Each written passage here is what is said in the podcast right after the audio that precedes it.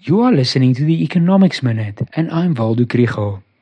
Over the last few days, there has been interesting reporting about the AGOA summit and its importance for South Africa's exports to the US. Policymakers are quick to talk about export led economic growth, but news about the crisis at Cape Town Harbour and the dampener it can put on citrus exports in particular shows that domestic factors also play a role in the competitiveness of our exports. What we easily forget is that it's not the country that exports, but businesses.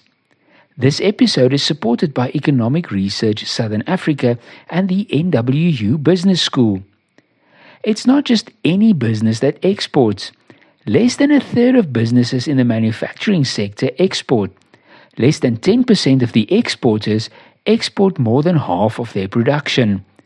Compared to non exporters, the exporters are much more productive.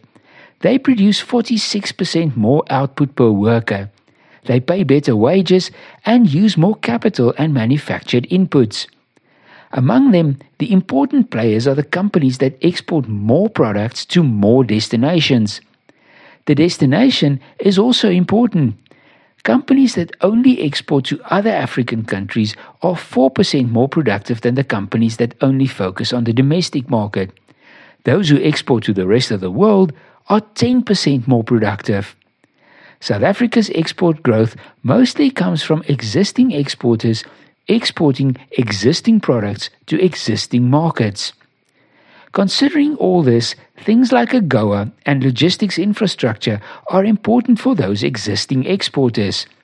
Yet, if we really want to get export led economic growth, more companies need to be able to export. But for that, they need to become more productive. This means more capital intensive production with better educated workers, lower costs of doing business, and opportunities in global value chains. This is all easier said than done, but it's also the best path to growth and development.